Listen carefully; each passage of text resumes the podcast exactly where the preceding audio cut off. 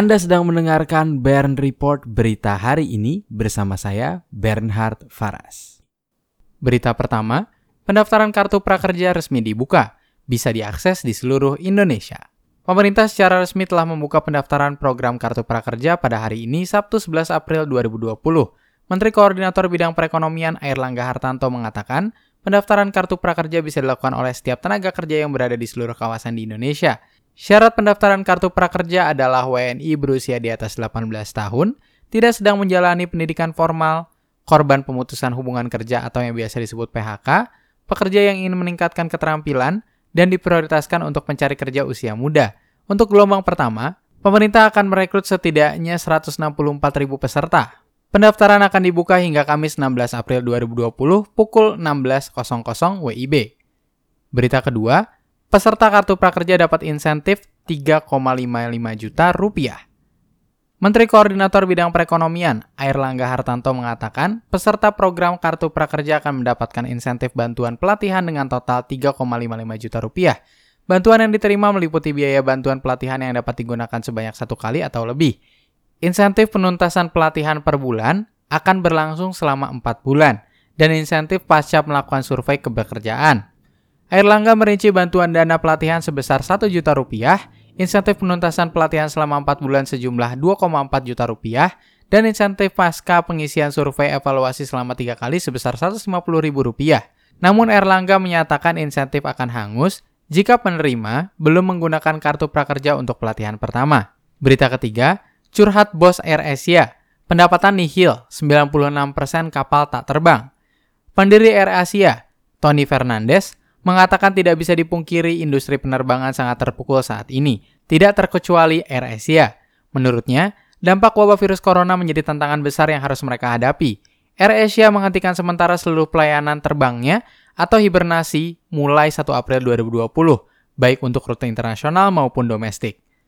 Tony mengatakan perseroan menempuh segala upaya yang dimungkinkan untuk mengurangi beban selama periode ini, agar dapat pulih kembali secepatnya.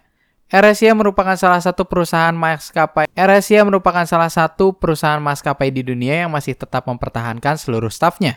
Berita keempat, aturan Kemenhub dinilai bertentangan dengan PSBB. Pengamat transportasi sekaligus Wakil Ketua Masyarakat Transportasi Indonesia, Joko Stiowarno, menilai peraturan Menteri Perhubungan nomor 18 tahun 2020 tentang pengendalian transportasi dalam rangka pencegahan penyebaran virus corona itu ambigu. Joko mengapresiasi ketegasan Kementerian Kesehatan untuk tidak mengabulkan permintaan untuk membolehkan ojek online mengangkut orang. Namun, ada kesan ambigu di Permen Hub nomor 18 tahun 2020 pasal 11D yang menyebutkan dalam hal tertentu untuk melayani kepentingan masyarakat dan untuk kepentingan pribadi, sepeda motor dapat mengangkut penumpang dengan ketentuan harus memenuhi protokol kesehatan. Berita kelima, Perdana PSBB DKI. Penumpang kebingungan, pengguna KRL dan retail sepi.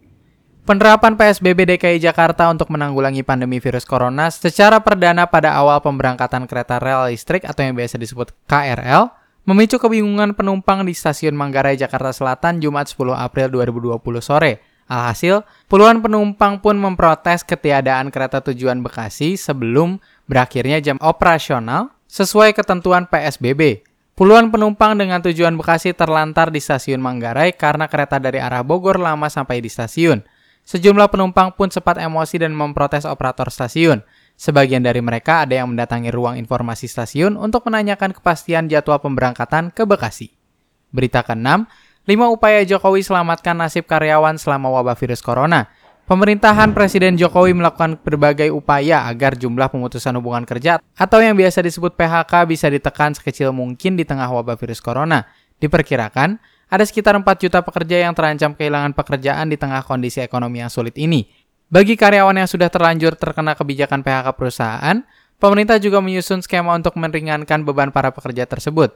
Terdapat lima upaya Presiden Jokowi untuk memastikan nasib pekerja selama wabah virus corona yaitu kartu prakerja, insentif untuk korban PHK, menerbitkan surat utang, insentif untuk pekerja medis, dan kepastian THR.